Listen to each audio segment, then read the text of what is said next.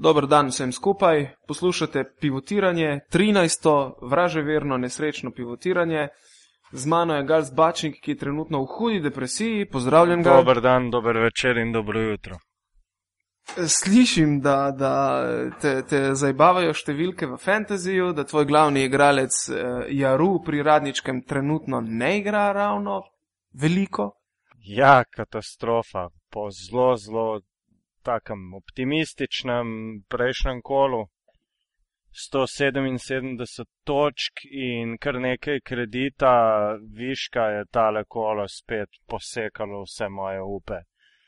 Tako da upam, da pridem saj do številke 80, pa da ne bo preveč padla cena tem mojim v narekovajih asom. Na čelu z Aleksandrom Čapinom in Andrijo Žižičem. Ja, jaz upam, da je Ruju pade cena, to da si ga bom lahko končno privoščil, evo ti. ja, čeprav dobro, Aleksa Popovič ima trenutno indeks minus 8, tako da njega pa na srečo nimam. Saj ena od teha. To bi lahko vprašali mogoče. Miho, če je uspel narediti kakšne menjave v svoji ekipi, ampak je njega prejšnjič precej zatovklo dejstvo, ko sem mu povedal, da se je sprehajal ob Savi in ne ob Donavi, tako da je šel zdaj v Beograd. Zadevo preveriti še enkrat na lasne roke, oči. Ja, in zgleda, da je kar tam ostal. Ne? Uh, ja, in zgleda, da je tudi imel prav, ne? čeprav jaz sem se vehementno kurčil v oddaji, ne, ne, jaz vem, jaz poznam, tam blizu sem se poročil in tako naprej, ampak je človek imel prav to. Tako da, uh, mogoče je bil čas, da jaz malo utihnem, ker še eno sem butnil. Kaj, ja, dve epizodi nazaj? Naslednja ne? pride v skupini D Eurolige, pa pustimo zdaj to, pa bomo potem še kaj na to temo povedali. No, če smo začeli, evo, deva kar z Euroligo začeti, skupina A, eh, ta teden se je odvila eh, tekma med Barcelono in CSK, kjer je CSK večji del tekme nekako vodil, našel igro v napadu, zgledalo je, da uh, mogoče pa je to tisti pravi CSK, ki ga iščemo že celo lansko sezono, kjer so imeli ogromno usponev in pacev in končali z velikim pacem na Final Fouru. Letos jih še nismo videli v pravi izvedbi, na kar se je pojavil na sceni, seveda Navaro in odigral simultanko v tistih par minutah in to je bilo dovolj za zmago Barcelone. Ja, jaz sem tole gledal posnetko, ker sem uživo seveda gledal tisto tekmo med Fenerbahčem in Partizanom. Uh, uh, ja, uh, CSK nekakor ne prepriča v tej sezoni. Tisti glavni igravci uh, so nekako sam še bleda senca starih iger, vključno tukaj z Viktorjem Hrijapo, ki je v tej sezoni popolnoma razglašen.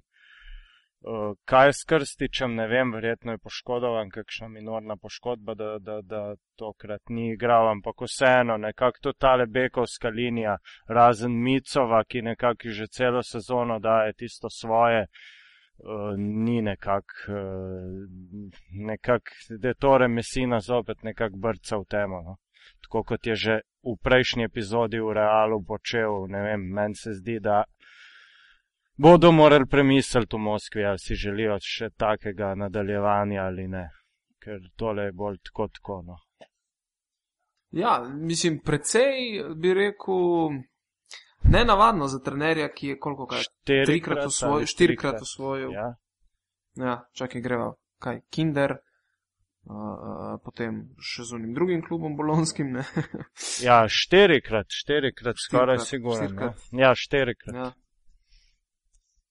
Ja, ampak tudi meni se zdi, da, njega, da je on tudi eden tistih, ki bi lahko rekel, mogoče malo predrzno, da ga je povozil čas ker nikakor ne najde tega sistema. Pa mogoče tudi selekcija igralcev ni glih uh, na mestu. Ja, pri selekciji je imel odprte roke. Zdaj, glede da ga je povozil čas, si jaz ne bi upal trditi. Um, si pa upam nekako trditi, da je tukaj on še vedno močnim, pod močnim vplivom tiste enoletne epizode, ki jo je imel kot pomočnik trenerja v NBA-ju, trenerju Brownu. Ne? In uh, imam občutek, da on še vedno veliko eksperimentira. Videl je precej zanimivih stvari, verjetno v NBA-ju, in jih nekako poskušal komponirati v, z, skupaj s svojo filozofijo nazaj v igro CSK-ja in zaenkrat zadeva še Ja, ni ampak zlaufala. ekipe, In to je že precej dolgo. ekipa, ne. Ki jo ima tukaj, niti približen se ne more primerjati s, kakr, s kakršnim koli NBA-jem, ker meni glih ta počasnost njihova nekako zbodla v oči. No. Ni, Ja, čeprav počasnost imajo v igri, hitre, dejansko, če pogledaš, pa ja, igralci čeprav so pa narejeni hitre, za hitro igro. hitre Ne? in organizatorje igre in mogoče kakšno dvojko, hitro tole ne vem. No. Tudi recimo Kyle Heinz je dosti igral na peticiji, pa nekako ni šlo. Ne. Ne vem, ne vem, tukaj bo CSK bo moral še kar delati. Je pa za njih dobro to, da je sezona šele na začetku. In da imajo itak Ja. ogromno tekem. ne, In če dejansko v tej skupini liga. ne bi smeli imeti kakšnih težav z napredovanjem, pa potem mogoče postopoma nekako lovijo svojo formo. Čeprav jaz jih zdaj, če dalje manj vidim, mogoče v tem kro, najožjem krogu favoritov. Barcelona pa tam ostaja, definitivno, ne? ker so zopet, niso blesteli, ampak je bilo tistih par minut navara dovolj, da so kar rutinirano na koncu tole dobili tole tekmo v tretji četrtini. Ne? Jaz pri Barceloni vidim en problem, ki se je zelo močno pokazal recimo na tekmi za Fenerbahče. Ne? In uh, no, še kje drugje se jim bo pokazal, predvsem, ko bodo prišli v sklepne dvoboje. In to je, da Barcelona dejansko nima ta pravega playmakerja, ki ga potrebujejo v tej igri. Imajo Marcelinja Huertesa, ki ni nek kreativec, da bi ne vem koliko spet delal za druge in druge postavljal v pozicijo, ampak je, je nekako igralec, ki zna sebi zmeraj skreirati med. Njegova zamenjava je Viktor ne vem, Sada. jaz se ne bi strinjal. Deset podaj v prvem kolu proti Partizanu, pet podaj poprečje, Huertasa, ne vem, Ja, ma, lej, Huertas je za mene še vedno ful preveč nekako prodoren igralec in, in če mene vprašaš, uh, če se igram nekako z in delam rošade, bi na njegovem mestu videl Teodosiča Miloša, ki v CSK-ju pod Mesino ne najde igre. In, in mislim, da bi Barcelona bistveno bolj proradila. Na zadnje, ko je Barcelona imela rezultat, je bil njihov prvi playmaker Riki Rubio. Ja, ampak vprašanje, ne? Vidimo, kaj dela Teodosič, forsera met spet po, po že kar kakšni dve sezoni, po mojem mnenju, preveč forsera ta njegov met. In če bi še to delal v Barceloni, bi bilo to nekako. Ne bi bilo to dobro za Barcelono, medtem ko Guerta smeče samo takrat, ko je sam. Trojka, 2-2 na tej tekmi, obakrat je bil sam, popolnoma sam in takrat vrže. Jaz no, tukaj ne vidim nekega problema. Ni verjetno ni čist idealen playmaker, je pa čist soliden. Je mogoče bolj problem to, da ni prave zamenjave ne, za njega. Problem je, kadar imajo uh, veliko število izgubljenih žog, po čemer je pa Huertas precej poznan. Ne? In uh, ne vem, nekako lej, na tej tekmi proti uh, CSK-ju so imeli 15 izgubljenih žog, vsega skupaj pa 11 asistenc. Ja, tukaj ni bilo tako v redu, ja, recimo. Ampak, ne vem, no. Pač, jaz ne vidim tukaj, tukaj ta, take, ne, da bi bil to glavni problem zdaj pri Barceloni. Jaz ne, ne vem. Jaz mislim, da je njihov glavni problem za osvojiti naslov ravno playmaker. Bomo videli. No? Zdaj, vprašanje, če bomo dobili odgovor na to, ampak mislim, da bi samo z adekvatnejšim playmakerjem, ne rabi biti Miloš Teodosič, ne vem, lahko tudi Zoran Planinič, recimo, uh, ali pa kdorkoli, ker tlele so trije playmakeri. Jacob Pulen, ki roko Ja. na srce nič ne igra, Sada Viktor in pa, Sada, in pa Huertas, ki ja. bi rekel, za na tem nivoju je, kar je, in, in potem je po Vertasu. Vse ostalo so pa, če ti pogledaš igralce Barcelone, nekako izjemni plejeri, ki rabijo dobiti žogo, rabijo nekoga, ki jim zadevo prištima v roke pečeno. Ne? To so vsi igralci, ki imajo radi žogo in, in uh, veliko, mislim, ofenzivna sposobnost Barcelone drugje ni sporna, razen mogoče na playmakerju. Ja, bomo videli, kako se bo to do konca razpletalo. Lahko greva na to tekmo Partizan, Fenerbahče. O, oh, so se ti kaj naj, naježile dlake? Ja, iz Ljubljane so se mi, tako da sploh ne, ne, ne upam pomisliti, kako je bilo tistim, ki so bili na licu mesta. Uh, res fenomenalno vzdušje, ki je tudi Partizana nekako držalo v igri. Dobršen del tekme, ne, do tiste tretje četrtine, oziroma do izključujoče tehnične napake Vujoševiča. Ne. In ravno v tistem trenutku sem napisal na Twitterju, da je, to, da je ste, s to potezo tokrat pa res pokopal svoje varovance in jih je, kar se je tudi izkazalo po tisti izključujoči tehnični napaki, so začeli na vsako sodniško odločitev protestirati in to nikoli ni v redu. Je, je mogoče pride kdaj prav, da kdaj pa kdaj kaj poveš sodniku, za vsako potezo pa sigurno ne. Ker koncentracija pade ne? in to se jim je tudi zgodilo. So se bolj obremenjevali sodniki kot z svojo igro in tudi Vojoševič je po, po tekmi sodniški trio kriminalno. Za, za lopovsko, lopovske delivce nepravice. Točno tako je rekel.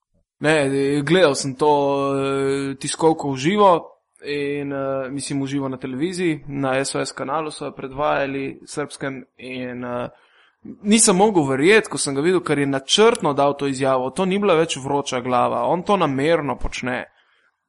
In uh, problem je v tem, ker uh, verjetno se zna zgoditi, da jih bo čakala zdaj kakšna suspenzija. Ne? Ja, zaradi tistih par stvari na parketu, ki so priletele iz Tudi zaradi izjave. Tudi zaradi tega, ja tudi zaradi izjave. Če pogledaš letos, pa na Tinaj, ko si igra prve tri tekme brez občinstva, oziroma na kar so se nekako uspeli dogovoriti, da igrajo po drugih gostujočih dvoranah, pač ne, na Kreti, na Cipru in tako naprej. Ravno zaradi izjav direktorja eh, Panatinajkosa, ko so lani izpadli v četrt finalu proti Barceloni. Ne? In je ozmerjal takrat Euroligo za v bistvu kriminalno Tako organizacijo. Ne? ne glede na to, da pa oziroma ta tekma meni niti približno ni bila sporna sodniškega vidika, niti malo. Lej, normalno je, da pride do sodniških ja, napak. Ampak te napake niso ključno vplivali na rezultat. To to. Jaz se strinjam. To, jaz mislim, da to Vujoševič počenja za nalašč in to že leta, ne? Kar je nekako, ne vem, če pogledaš, recimo, že sama dvorana Pionir živo, izjemno, izjemno strme eh, tribune, ne? zelo blizu je prva vrsta samega terena. In eh, ta dvorana je bila eh, sprojektirana tako, da se ustvarja pritisk. In eh, Vujoševič to izjemno dobro izkorišča, z vso psihologijo, ki gre s partizanom zraven. In namenoma dobiva tehnične za to, da revoltira publiko in vse skupaj. Zdaj pa začenja iti predaleč in ne vem, jaz imam občutek, da pri njemu, mm, mogoče je to moja subjektivna ocena, dvomim nekako, da ima premalo samozavesti kot trener. Da se mora zanašati na mesto, na svojo kvaliteto in na igro, na take igrice, kot je podpaljivanje publike ja. in dajanje kontraverznih izjav. Ja, je... Eh, zmiraj tarnajo, zmiraj tarnajo zaradi sodnikov uh, zmeraj tarna, uh, kdo ima vse koliko denarja in tako naprej. Zraven pa recimo in grozi finančna kazen, ki jih bo verjetno stala toliko, kot bi jih stal še kakšen igralec mogoče. Ne? Vmes pa tarnajo, da nimajo denarja za plače. In ta izjava se vidi, da je bila načrtna. Ne? Jo bom prav našel. Ja, seveda je bila načrtna. Uh, ne vem, sej Partizan na koncu koncev ni igral slabo, ne? Ampak, Sploh ne. Ampak šest odprtih metov Bogdanoviča za tri točke. Vseh šest odprtih, vseh šest trojk je zadev so bile odprte. Ob tem, ob tem je ne, bilo. Zadeve tudi ene, je, dve, ko sta bili ena na ja, ena, ampak, ko je pač svoje odigral. Ampak, meni je najbolj oči padel to, da so šli pomagati pri prodoru Makejleba in to igralec, ki je kriv Bogdanoviča. Tukaj to mi ne bo nikdar jasno, ker še vedno imaš centra pod obročem v tem primeru. In če bo Makele preko centra zadev, naj. Eh, ne more pa igralski krije Bogdanoviča pomagati na prodoru Makele, potem samo sledi podaja, vedno odprta trojka in tri točke. Uh, tako da, ja, je pa čist Partizan konkretno odigral to tekmo. Ničim nimajo. Jaz, če bi bil njihov trener, bi jih samo pohvalil na koncu za res fanatično obrambo do tiste tretje četrtine. Uh, in mislim, da je to sam nekaj dobrega za njih. No. Izkušnja na nek način. Sigurno, čeprav oni iščejo izkušnje v takih tekmah zmagal, ponovadi. Ne? Ampak tokrat je res nasproti stal Željko, ki je po letu dni premora izjemno motiviran in eh, odlično je bilo tudi, kako je svojega pomočnika ja. nagnal stran, ko mu je prišel neki prigovarjati. To v prvem polčasu, ko so zgubljali. Ne? Tista je, to bojo tudi poslušalci imeli spodaj v zapiskih, da, da si pogledajo, če slučajno niso. Ja, Fenerbahče je sigurno, verjetno, kar glavni favorit zdaj za, za naslov v Euroligi. Dobro, sezona je še dolga, tle imamo še 14 tekem v top 16 pol in tako naprej. Nanter je v tej skupini presenetil in upisal že drugo zmago ne? in je ja. zdaj skupaj z Barcelono na drugem mestu. Uh, tako da se Partizanu slabo piše v nadaljevanju, ne? če želi napredovati. Ja. Je kar, kar, kar zapletlo se je, ta Nanter je kar zapletlo tole situacijo. Tudi CSK-ju recimo ne bo tako lahko, kot si je morda pričakoval um, v skupini B lahko pa rečemo, da gre vse nekako po planu. Ne? Real Madrid že pri štirih zmagah, vse zmage zdaj za 15 točk ali pa 20 točk razlike, tokrat v Franciji pri Strasburu za 19 točk, spet krepko čez, petino, krepko čez 80 doseženih točk. Tudi Real je verjeten, kar poleg Fenerbahče, tiste ekipa, ki je do zdaj največ pokazala sta kar predvsem. In mislim, da se v top 16 srečata uh, skupina A in skupina B. Ne? Ja, znam. Tako da bomo ja. že lahko v top 16 mhm. videli dvoboj uh, Real Madrid-Fenerbahče. Dvakrat. Ja, štiri zmage ima sicer še Olimpijakos, ampak so bile te zmage bolj, mislim, težje so bile, ne, recimo od Fenerja in pa Reala, s tem, da, s tem, da če Real temelji na, na, na tem doseganju točk, pa Olimpijakos na obrambi. Ne? Pri Olimpijakosu je v tem tednu recimo zelo dobro zaigral naš Mirza Begič, ki je koliko 15 minutah zbral zelo lepo statistiko, štiri blokade, štiri skoke. Ne? In uh, koliko pik? 9. 9 pik. Ja, ravno ne, to je zanimivo. 70, v 13 minutah. 70 točk je dosegel Olimpijakos, pa nihče ni presegel meje 10 točk. Uh, mhm. Lojeski, Spanulis, Dunston in pa Begič so pa dosegli devet točke. Zelo taka kolektivna igra. Nihče ni izstopal. Meni se zdi, da so od lani nekako samo še na, na višji nivo dvignili to svojo igro in, in uh, zelo kompaktna ekipa. Kar presenečen sem bil, da tako hitro že kažejo dobre igre. Ne? Lani in predlani so se nekako celo sezono lovili in šele v sklepnih dvobojih pokazali tisto pravo igro in zmagali Euroligo. Ne? Tako da bo zelo zanimivo še, kaj bo sezona prinesla Olimpijakosu, ampak eh, jih zaenkrat tudi definitivno vidim kot enega, ki nekako skoraj da morajo priti na Final Four. Bi, bi verjetno tudi jaz tako rekel, ja. Čeprav pred sezono jih spet nekako nismo, smo jih nekako mal pozabili. Ja, ampak pred sezono jih nihče ja. več ne šteje. Ne? Prvič je bilo, ja, zgodilo se je, zdaj v drugi sezoni šel je Duda Jukovič, to se ne bo ponovilo, pa so spet vzeli Euroligo, zdaj pa nekako vsi gremo na to, ja, trikrat zapored, pa menda ja ne. Ja. ne? Ampak jaz zdaj že moram reči, da kar stiskam pesti za njih. Unikaha je doživela kar boleč poraz pri Bayernu ki je zdaj z 3-1 ja, skorom na drugem mestu, Unikaha in Galata Saraj pa poravnana, oziroma oba z dvema zmagama in dvema porazoma. Tukaj se je tudi že nekako oblikovala ta, ta četverica. Ne. Četverica, ne. zanimivo pa, da Montepaski ja. Siena se pravi štirimi porazi. Popolnoma razglašena. Lahko greva kar na skupino D, da ne bomo predolga. Makabi na vrhu. Ja. Uh, za mnoge presenečenje. Tudi ja. za me. tri zmage in zgolj en poraz. Uh, in potem lokomotiv Kuban, ne, ki ga je Kruno Simon strojko uh, v zadnji sekundi praktično rešil, čeprav smo videli, da je Diamantidis predstopil pri prejšnjem metu. Ne, in so mu sodniki gladko, gladko pisali tri točke, ampak Kruno, Kruna ja, to ni ustavilo. Ne.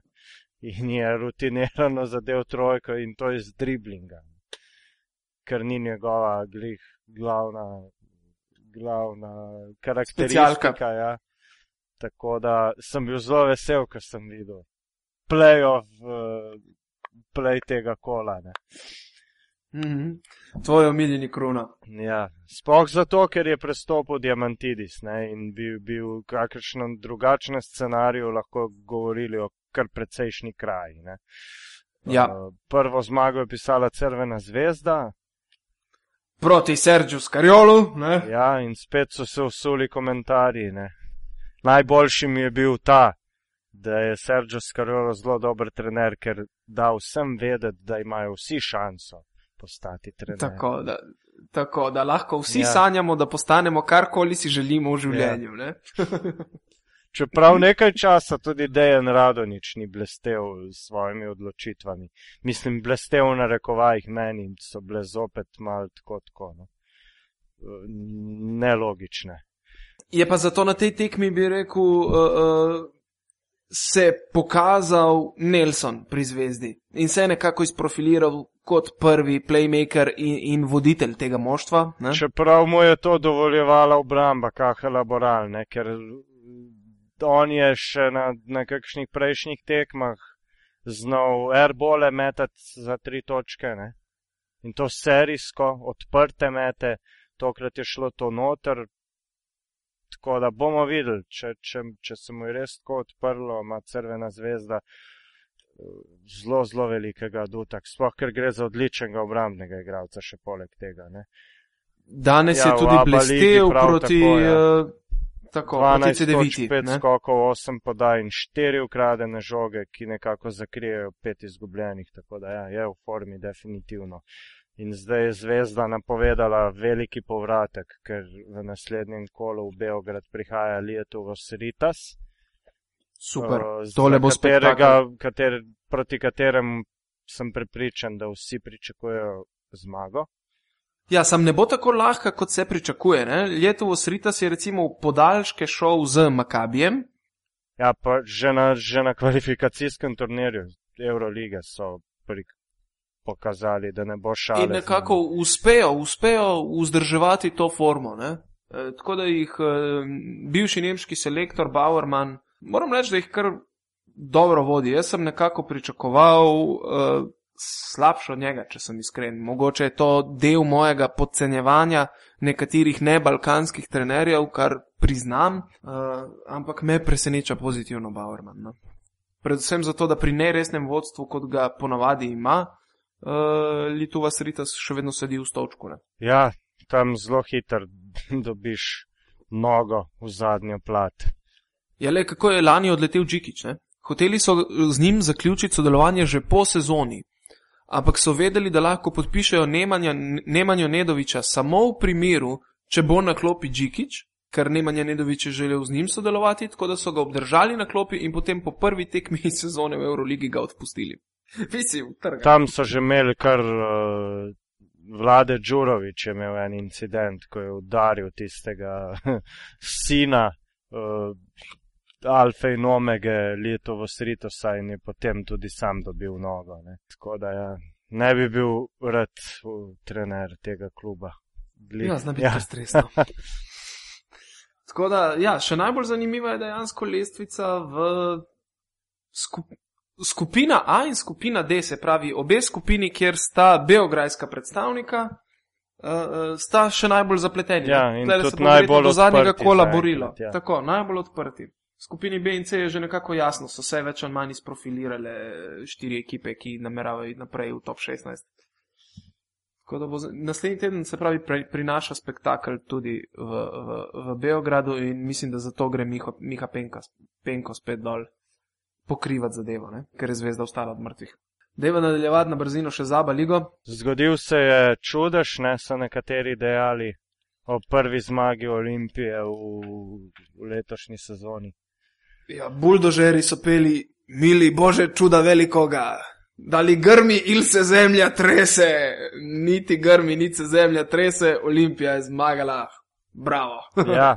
in to v gosteh. Ja, in to na težkem gostovanju v Solno, ko, Se katero gostovanje je pa lahko v ja, Avroligi? kjer domači še sploh niso zgubili v tej sezoni. Ne. Tako da, ja, tista druga četrtina, kjer so nekako zbezljali domačini in nekako zelo hitro zaključevali tiste napade, eh, nepreudarno.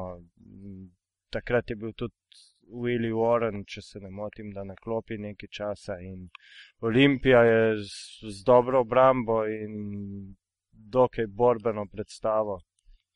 In predvsem 14 skoki v napadu, to, to je tudi trener Aščerič eh, izpostavil kot ključ na tej tekmi, nekako prišla do, do, do zmage in tudi na koncu branila nekakšen zadnji juriš domačinov, ki pa sicer ni bil ravno ne vem kako uspešen. Je pa bila v zadnjem Jurišu skoraj da uspešna Krka, ki je zgubila v Skopju proti MZT-ju in 80-75 še zdaleč ni nekako rezultat, ki bi nakazoval, kako se je igra razvijala v drugem polčasu, kjer je MZT nekako vse čas povečeval prednost in prepričljivo vodil do dveh minut pred koncem tekme. Ne? Ja, ne vem, pri Krki me je zmotilo predvsem to, da, da, da niso prikazali tega, kar govori že celo sezono Aleksandr Džikič, da bodo tečna ekipa nadležna.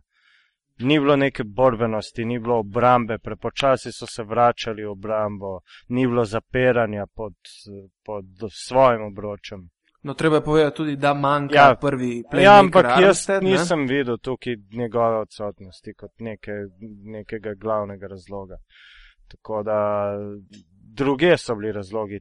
Tekmo bi lahko dobili tudi brez Armsteda, glede na potek dogodkov. Organizacija igre ni tako šepala, kot je šepala ta obramba. Ne. Tako kot je že naš komentator povedal med samo tekmo, še igrajo že deset let proti tem igravcem, recimo, pa še vedno postijo Čekovskega samega na trojki. Ne. Še vedno po vseh teh tekmah enostavno moraš stopiti zraven, ni tako hiter, da te bo prebil, ampak če bo sam bo zadev tisto trojko, vedno. Ne. In isto je tudi z Gečevskim.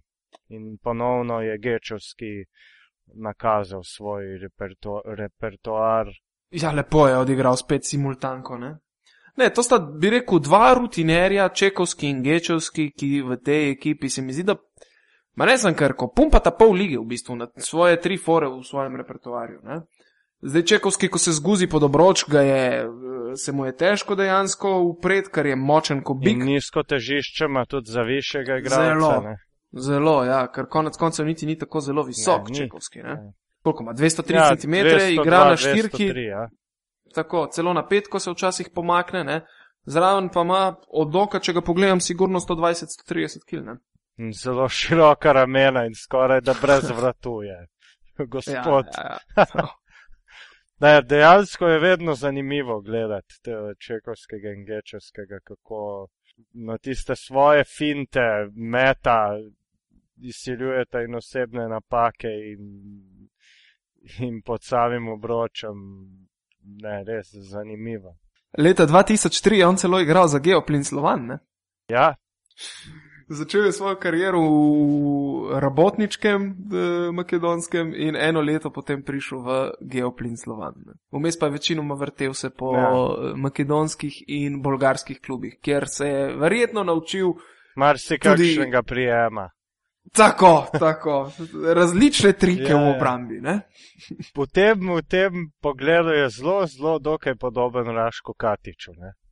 Ja, Nič tehnika ni ne vem kako blesteča, oziroma spoh ni blesteča, atleticizma praktično tudi ni, ne?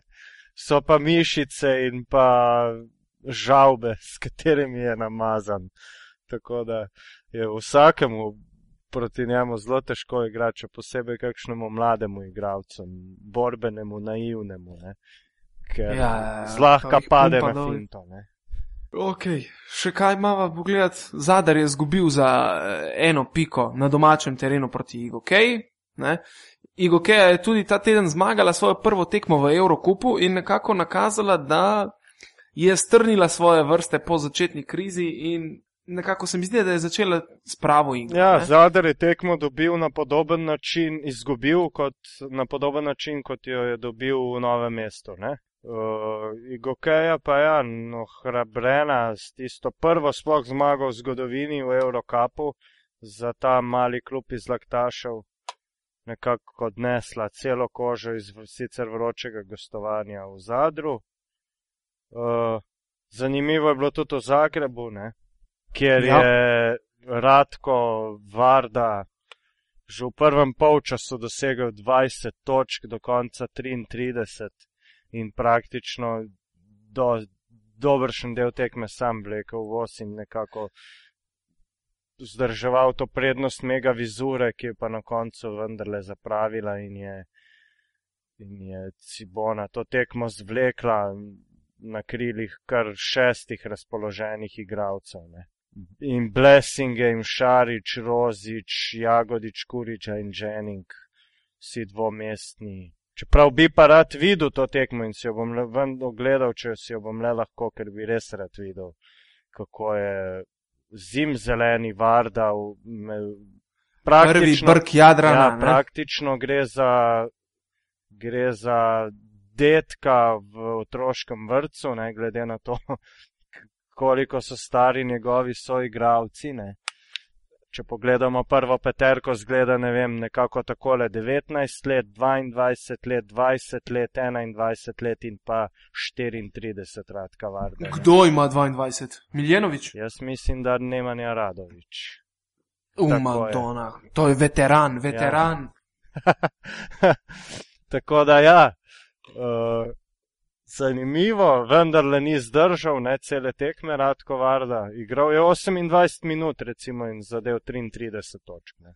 Tega se ne bi sramoval niti Kevin Durant, kot je bilo rečeno na Twitterju.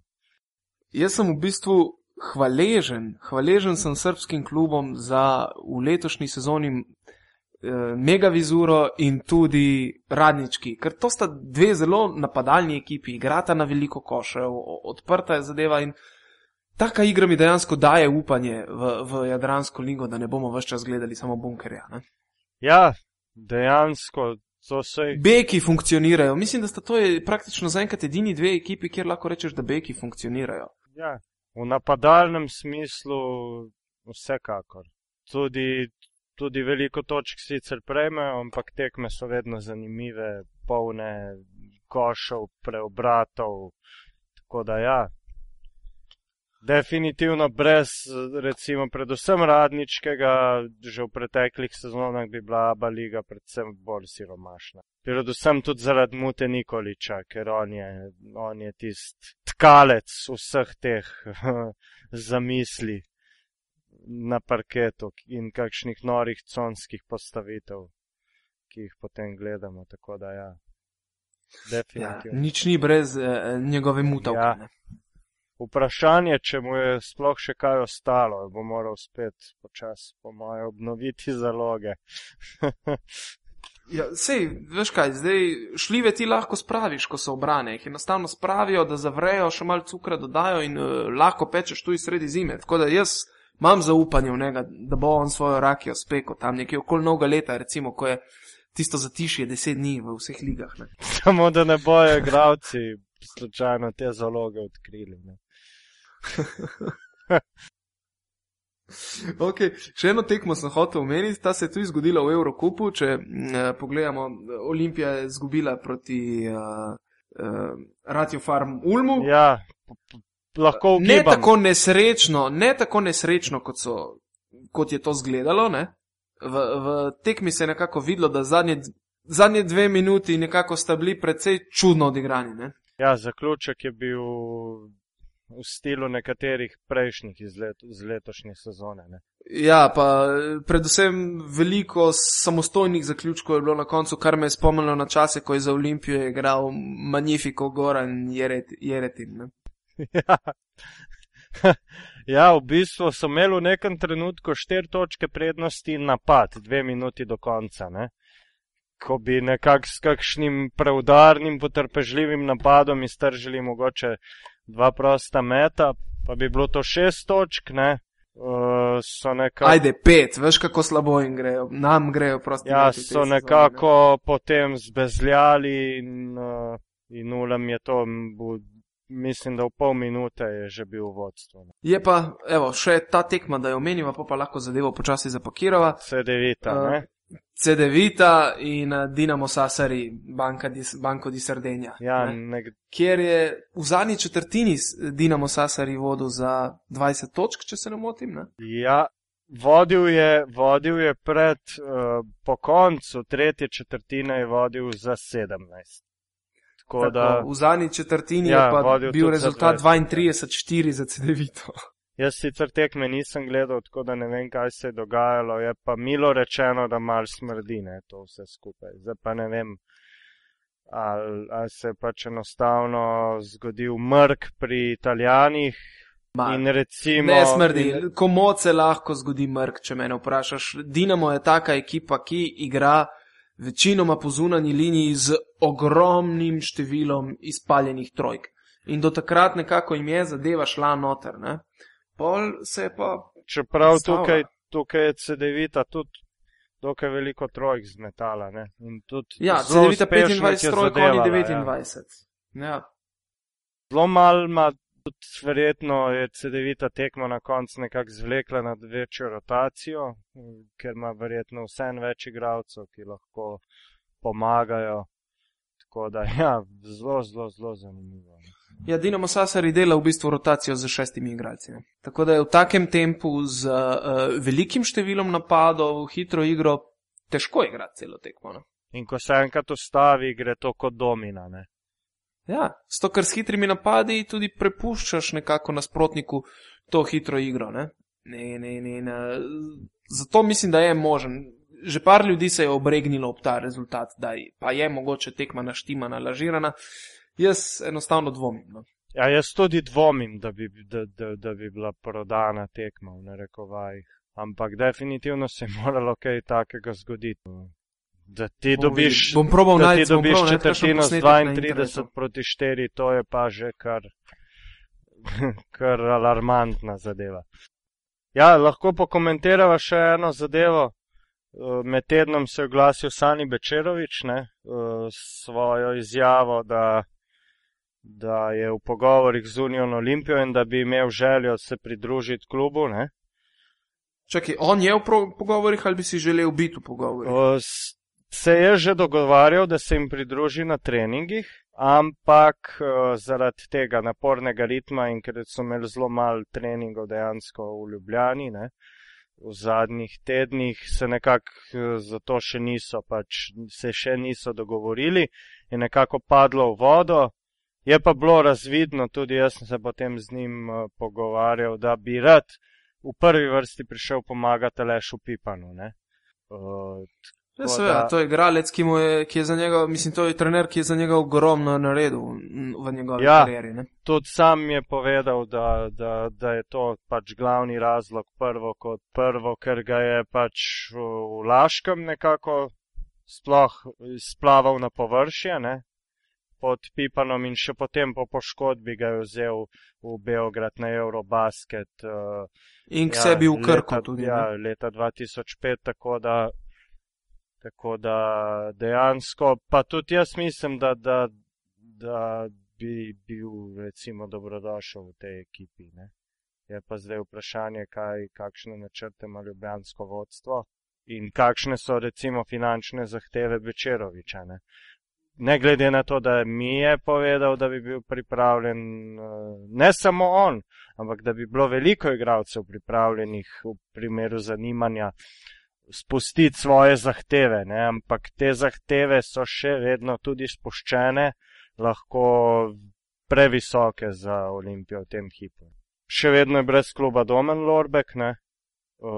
Kmalo bo tudi spet Uroš Slokar, verjetno brez kluba, ker je podpisal samo nekaj tedensko pogodbo z uh, Albo iz Berlina. Bečerovič je tukaj, ker se ne bo vrnil v Iran, kar nekaj slovencev je, ne? ki, ki nekako ne najdejo sredine. Ja, vprašanje je res, koliko ima Olimpija sredstev, da jih sploh pokliče noter. Dvomim, da si želijo spet še eno sezono, kjer ne bodo plačevali igralcev. Ne? Ja, čeprav pa je Jani Medrendorfer v našem studiu pred zadnjo domačo tekmo Eurocapa dejal, da nekaj rezerv so si pa vendarle še pustili. Tako da se lahko postimo presenetiti. Ne? Da ni nekako to zavezana vreča, z katere ne bo nihče odšel in nobeden prišel. Bomo videli, kaj bojo prinesli naslednji ja, teden. Tudi pri Krki bo recimo zdaj problem, če bo Armstead odsoten dlje. Gre za poškodbo kolena, opravljajo dodatne preiskave, ni še popolnoma jasno, ampak če bo dolgoročno odsoten, bodo sigurno morali neko rešitev poiskati, ne? ker zdaj to flika jaka klobočar, ki ni po, po svoji primarni profesiji. Playmaker. Ja, to smo videli, se je zdolj z njim dolgo časa mučil, da bi ga naredil v, v playmakerja, ne? vendar mu nekako ni uspelo. Tudi Alilovič je potem poskušal. Čaka nas veliko dilem, mi dva pa lahko. Ki se bojo ja. razrešili v prihodnih tednih. Čva zadevo se... zapakirati za danes? Ja, bo dovolj. Bo dovolj, se sva že preko 40 minut. Če je enkrat malo krajša, mislim, da nam ljudje ne bojo zamerili, kvečemu hvaležni nam bodo. Ja, predvsem Hajdi bo hvaležen že jutr, takoj, ko bo zadeva online. Bomo vsaj kritik, en, eno kritiko si bo prihranila. A jaz mislim, da nas on sploh ne posluša več. ja, čist možno.